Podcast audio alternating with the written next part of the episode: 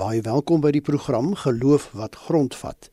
In die programreeks gesels ons oor onderwerpe waaroor gewone lidmate in kerke onseker is en antwoorde soek en vra het oor hoe dit mense geloof prakties uitgeleef kan word. Ek is Flip Loots en by my verwelkom ek vir professor Christina Landman, professor in teologie aan Unisa. Goeienaand Christina. Goeienaand Flip, goeienaand luisteraars. Ek sê ook baie welkom aan professor Alfonso Groenewald, dosent in Ou Testament en Hebreëse geskrifte aan Universiteit van Pretoria. Goeienaand ook aan jou Alfonso. Goeienaand Flip en goeienaand aan al die luisteraars. En so van luisteraars gepraat, jy's welkom om vanaand ook aan ons gesprek deel te neem. Gebruik die SMS nommer 45889. Onthou net elke SMS kos R1.50. Vanweer die COVID-beperkings kan ons ongelukkig nie direk op jou SMS reageer nie, maar dit kry deeglike aandag, veral deur ons kundige wat saamgesels. Onthou ook dat hierdie program nie aan jou as luisteraar voorskrifte gee van presies hoe om te lewe nie, maar riglyne waarbinne jy self keuses kan maak. Er is hier stem ook nie noodwendig saam met die opinie van enige persoon wat aan hierdie program deelneem nie. Wanneer Christene oor God praat, hoor jy verskillende name wat hulle vir God gebruik. Daar is oue van daai Vader of Abba Vader, ewige Vader, magtige God, Here van die leerskare, Here die almagtige en nog sommer baie ander. Jesus spreek God as Vader aan. Maar hoe word God genoem veral in die Ou Testament? Wat is sy regte naam of is daar 'n verskeidenheid name vir hom? Geloof wat grondvat gesels vanaand hieroor. Christina, waarom is die naam van God so belangrik dat ons vanaand daaroor gesels? Flip soos professor Alfonso vir ons sal sê, was name in die Ou Testament baie belangrik. Dit het soort van jou karakter en jou toekoms behels. En daarom wanneer daar in Eksodus 3 vers 15 en 16 gevra word wat is God se naam, dan sê God ek is wie ek is en dit word dan in die ou geskrifte aangedui met daardie vier konsonante wat ons die tetragrammaton noem 'n vreeslike lang naam wat eintlik maar beteken dit is daardie vier konsonante en niemand weet eintlik presies hoe dit uitgespreek is nie want die Hebreëse geskrifte het natuurlik nie konsonante bevat totdat dit baie later bygesit is nie. So die ou Israeliete en selfs die Jode vandag spreek glad nie God se naam uit nie. Hulle hulle sal Adonai sê. En dan as jy nou Adonai se konsonante by die konsonante sit van die tetragrammaton wat ons nou eintlik dan as Jahwe sou uitspreek alhoewel ons ook nie seker is hoe mense dit sou kon uitspreek nie dan kom jy nou by Jehovah uit. Maar die feit is dat God dring aan wanneer hy homself bekendstel dat hy nie in 'n naam vasgevang kan word nie en dan natuurlik hierdie geweldige respek vir die naam van God wat deur al die eeue gehandhaaf is tot vandag toe. Alfonso Christina daarna verwys dat elke naam in die Ou Testament een of ander besondere betekenis het. Watter betekenis is daar dan gekoppel aan name? Ja, flip. In die algemeen sou ek kon begin deur te sê dat naam of naamgewing 'n belangrike bestanddeel of bousteen van elke taal is. Soos byvoorbeeld plekname, persoonname en familiename. Hierdie name dra almal by tot wat ons sou kon sê die benoemingsfunksie van die taalekonomie. In Hebreëus is die stamwoord vir naam Shem en dit kan onder andere soos volg verstaan word, sou ek dink. In die eerste plek kry ons naamlik die eie name van mense. Alle name in die Hebreëse Bybel het 'n betekenis en elkeen van hierdie betekenisse maak dan ook 'n bydrae tot die verhaal waarin dit ingebed is. Ek gaan hier so 'n paar voorbeelde noem ter illustrasie. Byvoorbeeld in 1 Samuel 25 kry ons die woord in Afrikaanse ons sê Nabal, maar eintlik in Hebreëus is dit Naval en dit beteken dwaas. Nou geen mens sou eintlik sy kind regtig 'n dwaas noem nie, maar as ons hierdie verhaal gaan lees, dan sien ons dat hy eintlik ook soos 'n dwaas optree. Die naam Elia beteken byvoorbeeld die Here is my God of Benjamin beteken seun van die regterhand. En Isak, 'n laaste voorbeeld wat ek hier noem, beteken lag, want hoekom Abraham en Sara het gelag toe God gesê het dat hulle nog 'n kind sal hê. Ons lees dan ook verder in die Bybel dat dit oorwegend die moeder is wat aan haar nuutgebore kind 'n naam gee. Soos ons byvoorbeeld sien in Genesis 4 vers 25. Adam het weer met sy vrou gemeenskap gehad en sy het 'n seun in die wêreld gebring en hom Set genoem. Naamgewing aan die ander kant gee ook 'n verklaring byvoorbeeld vir 'n volksetimologiese gegewe, soos byvoorbeeld die verhaal in Genesis 11 vers 9. Daarom het hulle die stad Babel genoem, want daar het die Here in die taal van die aarde verwarring gebring. En Babel in Hebreëus beteken ook inderdaad verwarring. En dan op 'n laaste vlak sou ek dan net ook kon noem dat 'n naam ook betekenis het in die konteks van dade, prestasie, vermoë of roem. Soos byvoorbeeld in Spreuke 22 vers 1 vir ons sê, 'n goeie naam is meer werd as groot rykdom, die goeie gesindheid van ander meer as silwer en goud. Christina, ek luister nou baie lekker na Alfonso oor die betekenis van name in die Ou Testament. Maar as ons nou terugkom na God se naam, hoe belangrik is dit vir Christen om te weet wat God se naam is? Is die naam van Jesus vir ons as Nuwe Testamentiese gelowiges nie alleen voldoende nie? Flip, die name wat vir God in die Ou Testament gegee is, is eintlik funksies wat aan God toegedig is. En as jy dan nou vra of Jesus se naam alleen nie voldoende is nie, dan sal ek sê in die Nuwe Testament wel seker party mense redeneer in die Ou Testament ook het ons met die drie eenheid te doen en het ons dan ook dat soos jy net nou gesê het dat Jesus vir God bid, vir sy Vader bid. In 11 van hierdie gevalle het ons die woorde van die gebed self wat hy gedoen het. So ek dink in terme van die drie eenheid sal ek sê die naam God, dit is baie belangrik. Ons het 'n ondersoek gedoen en vir mense oor 'n breë spektrum gevra, wat is jou geliefde naam vir God? Hoe spreek jy God aan wanneer jy bid? En sonder uitsondering het almal gesê Vader. Ek respekteer nou daardie dat mense voel God as Vader is hulle beskermer, hy's hulle versorger en dat Vader dan 'n naam is wat baie sterk in ons tradisie ingebed is om na God te verwys. Alfonso dit blyk dat baie Christene verkies verskeie name vir God en baie daarvan in Hebreëus nogal. Hoekom dink jy is dit so? Het God dan meer as een naam en watter een is die regte een? Flip, ja, ek dink as mens hierdie vraag nou vra, is dit eintlik tog belangrik om te besef dat die name en die titels wat vir God in die Hebreëse Bybel gebruik word, 'n refleksie is in eerste instansie van die ou nabye Oosterse konteks waarin Israel geleef het. Dit sluit naamlik in die teologiese verskeidenheid van verskillende Bybelse tradisies, die sosiale konteks asook die instellings wat kenmerkend was van die religieuse lewe wat tipies was van Oud-Israel maar ook van die omliggende volke. En daarom is dit ook so dat sommige van hierdie name uit die omliggende kulturele kontekste oorgeneem is. En soos wat Oud-Israel toenemend in 'n monoteïsme ontwikkel het, is van hierdie name opgeneem, oorgeneem in die tradisies waarmee Israel nagedink het oor God. En ons sou kon sê dat die skrifgeleerdes, die teoloë van Oud-Israel het met groot sorg hierdie name en titels oorgeneem, getransformeer en 'n nuwe inhoud gegee sodat dit vir hulle 'n bydrae kon maak tot hulle verstaan van die God van Israel. Dit sou dus verklaar waarom daar heelwat name vir God in die Hebreëse Bybel gebruik word. En elkeen van hierdie verskillende name wil dus uitdrukking gee aan 'n bepaalde aspek van God, soos wat Israel vir God verstaan en benoem het. Dit is RSG met die program Geloof wat grondvat en ons gesels vanaand oor die name van God in die Ou Testament. Ek is Flip Loots en my gaste is professor Christina Landman en professor Alfonso Groenewald en luisteraars kan gerus saamgesels deur middel van ons SMS nommer 45889. Onthou net elke SMS kos R1.50. Christina in die 10 gebooie lees ons dat jy God se naam nie uitelik mag gebruik nie. Nou, ons gaan nou 'n bietjie meer praat oor sy name, maar wat beteken dit om nie sy naam uitelik te gebruik nie? Ja, die 10 gebooie wat nou in Eksodus 20 opgeteken is, is etiese riglyne vir hoe mense hulle self moet gedra.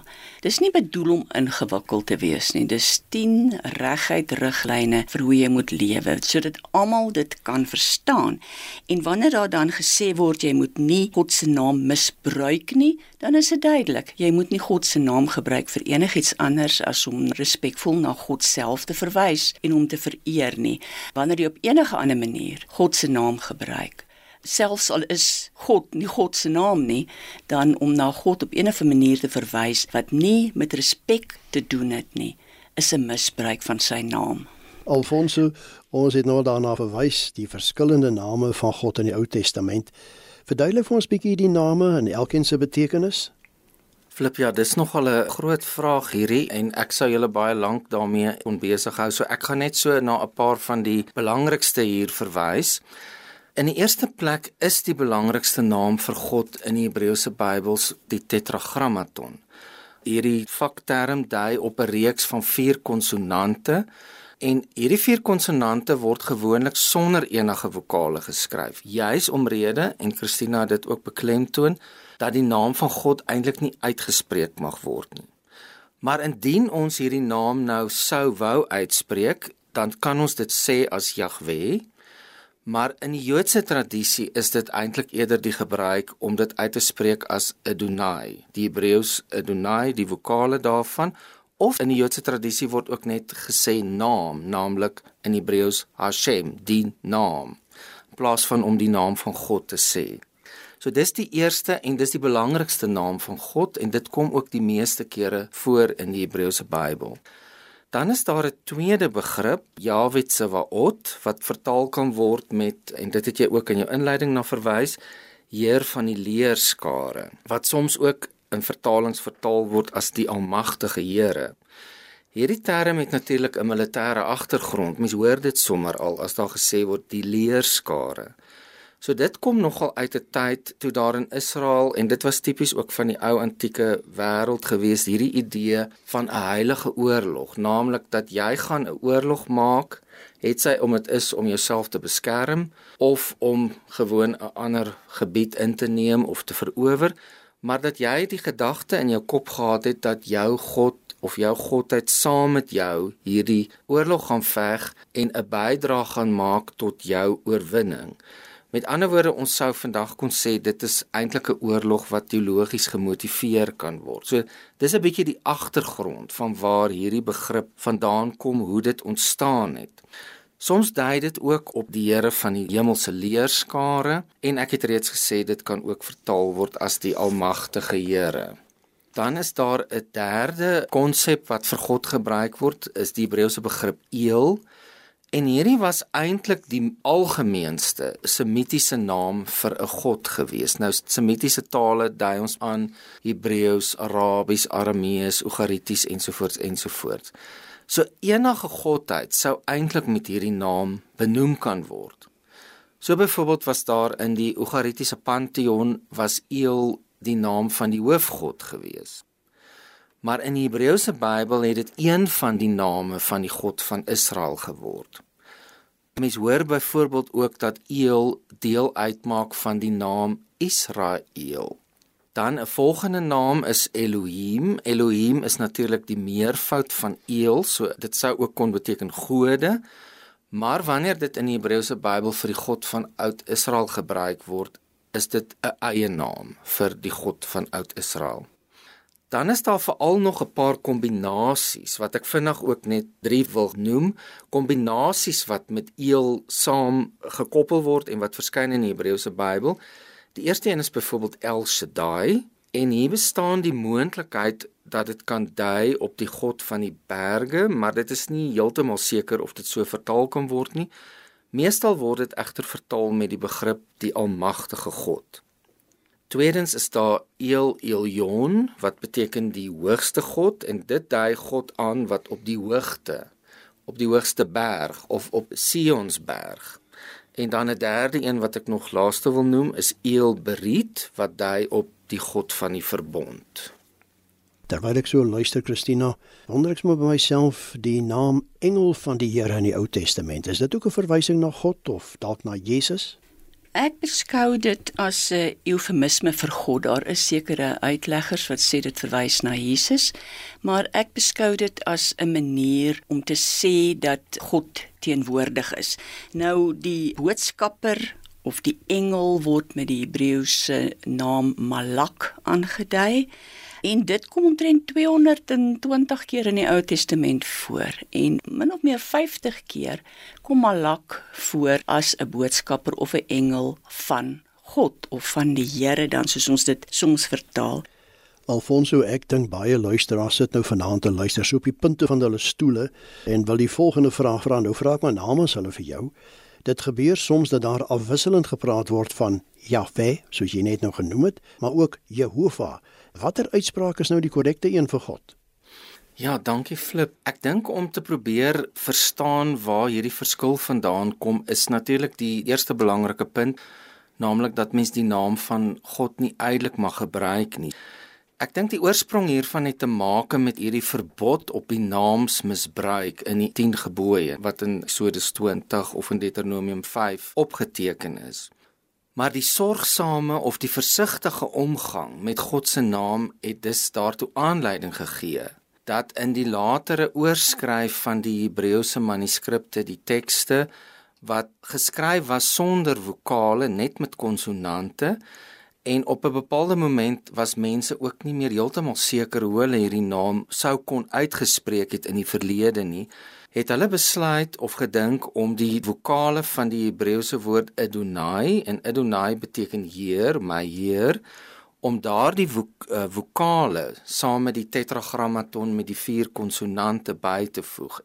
Dit lei daartoe dat wanneer Jode byvoorbeeld die manuskripte in Hebreëus lees dat hulle nie sal sê Jahwe nie maar Adonai want waarskynlik in die post-eksiliese tyd as ons sou moet dink toe die Jode nie meer Hebreëus kon praat nie maar hulle het Grieks gepraat dit het die omgangstaal geword eers Aramees toe later Grieks.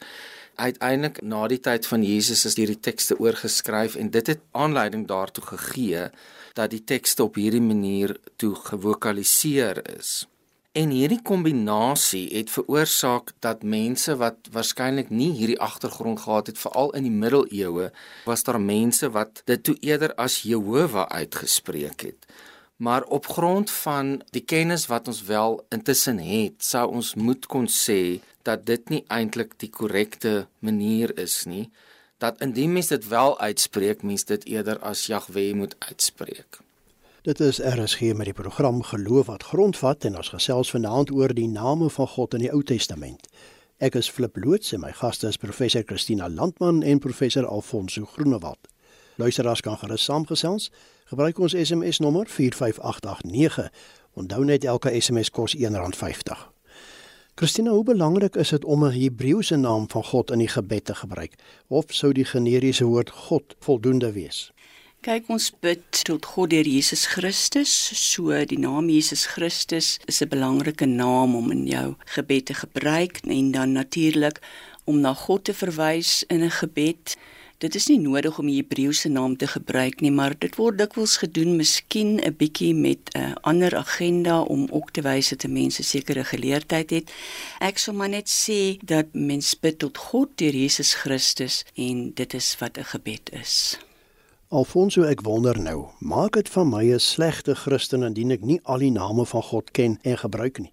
Flip, nee, ek dink nie so nie, want ek dink eintlik nie vir ons in die Christelike tradisie bestaan daar hierdie vereiste om al die name van God te ken soos wat dit in die Hebreëse tekste voorkom nie. En dit verwag tog eintlik ook 'n bepaalde vaardigheid of 'n kennis van Hebreëus voordat mens werklik hierdie name kan identifiseer en die agtergrond van hierdie name kan verstaan.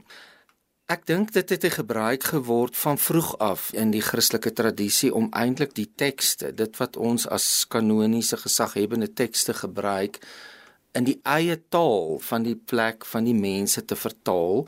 En in Afrikaans is dit ons gebruik om te praat van God of die Heer. Verder sou ek sê in die Christelike tradisie is dit ook gebruiklik en Christina het nou net eintlik daarna verwys dat God ook aangeroep word met die naam soos ons dit trinitaries ken, die Triniteit, naamlik Vader, Seun en Heilige Gees. Ons in die Christelike tradisie het dus 'n trinitariese godsbegrip. Maar die belangrike is tog om te beklemtoon dat hierdie Christelike geloofstaal wat ons het, wat ons ken, baie sterk verbonde is aan die tradisie en aan die godsbegrip van die Ou Testament. So die bekendmaking van God se naam aan Israel moet geïnterpreteer word as God se selfidentifikasie, maar parallel met die bekendmaking van God se naam staan ook God se handeling in die geskiedenis tot God se volk en daardie handeling, daardie heilsgeskiedenis is eintlik baie belangrik in die Ou Testament maar ook in die Nuwe Testament. So kortliks kan daar eintlik net genoem word dat daar in die Christelike geloofsbelijdenis verwys ons na die Trinitêre God as Skepper, Versoener, Volleinder, met ander woorde die handelende God. Aansluitend by wat Alfonso nou gesê het, Christina, en ek dink jy daarna verwys so 'n bietjie in die begin van die program, tot watter mate vertel die verskillende name van God vir ons iets oor sy karakter? Hierdie name wat vir God gegee het, het baie te doen met die funksies van God, met hoe jy sien jou verhouding met God werk. Ek kan 'n voorbeeld noem, byvoorbeeld Immanuel. Daar is miskien 'n saak voor uit te maak as jy Psalm 46 lees wat sê dat dit gesing moet word in die stemme van jong vroue dat Psalm 46 'n psalm is wat deur vroue by 'n uh, geboortebed gesing is en natuurlik in Psalm 46 word God aanhoudend Immanuel genoem. Let asseblief weer op die EL aan die einde, né? Die L aan die einde. Immanuel beteken natuurlik dan nou letterlik God met ons en dat vroue baie naby aan daai naam van God gevoel het dat toe Maria gesê is dat sy gaan 'n kind in die wêreld bring, sy moet hom Immanuel noem, het sy presies vanuit daai vroue tradisie geweet wat dit beteken wie Immanuel is. So daar het jy nou 'n voorbeeld van hoe 'n naam van God deur mense dan miskien self spesifieke groepe gebruik is om 'n spesifieke verhouding en funksie met God uit te beeld. Alfonso, kom ons vat saam. Hoe moet die Christen weet watter naam van God om te gebruik wanneer hy of sy in 'n bepaalde omstandigheid kom en hy wil na God roep om bystand of 'n aanbidding? Flip, ja, ek dink nie eintlik dat daar iets bestaan soos 'n voorgeskrewe resep of lys van name wanneer ons tot God bid of met God praat in ons diepste binneste nie. Ek dink eintlik dit het maar baie ook te maak met die persoon of die eie persoon. Met ander woorde wanneer mens tot God bid, gaan jy in sekere omstandighede gaan jy net sê God almagtig of hoogste God of soms sê jy Here wees my genadig of soos Christina nou sopas gesê het dat jy in 'n geloofsvertroue sê Immanuel, God met ons, God met ander woorde, God by my. So ek dink nie ons moet dit vas probeer maak in 'n vaste lysie of 'n resep opstel en ook mense daarvolgens beoordeel of veroordeel want elke mens se spiritualiteit, mense verhouding met God werk en funksioneer op 'n ander manier. Nou ja, ek dink ons sou seker nog baie lank oor hierdie onderwerp kom praat, die name van God in die Ou Testament, maar dit dan al in vanaand se geloof wat grondvat. Baie dankie vir jou as luisteraar se saamkuier en 'n groot dankie aan my gaste, professor Christina Landman en professor Alfonso Groenewald vir hulle bydraes. Christina, Alfonso, hoe moet ons luisteraars maak as hulle verder met julle wil kommunikeer? Christina, jy eerste? Flip ek sal 'n WhatsApp boodskap waardeer by 0823772574. En jy Alfonso? Flip ja, ek dink luisteraars kan ook aan my 'n WhatsApp of 'n SMS stuur 0847208102. En my kontakinligting flip by mediafocus.co.za. Ons groet dan nie meer tot aanstaande Sondag dieselfde tyd. Totsiens.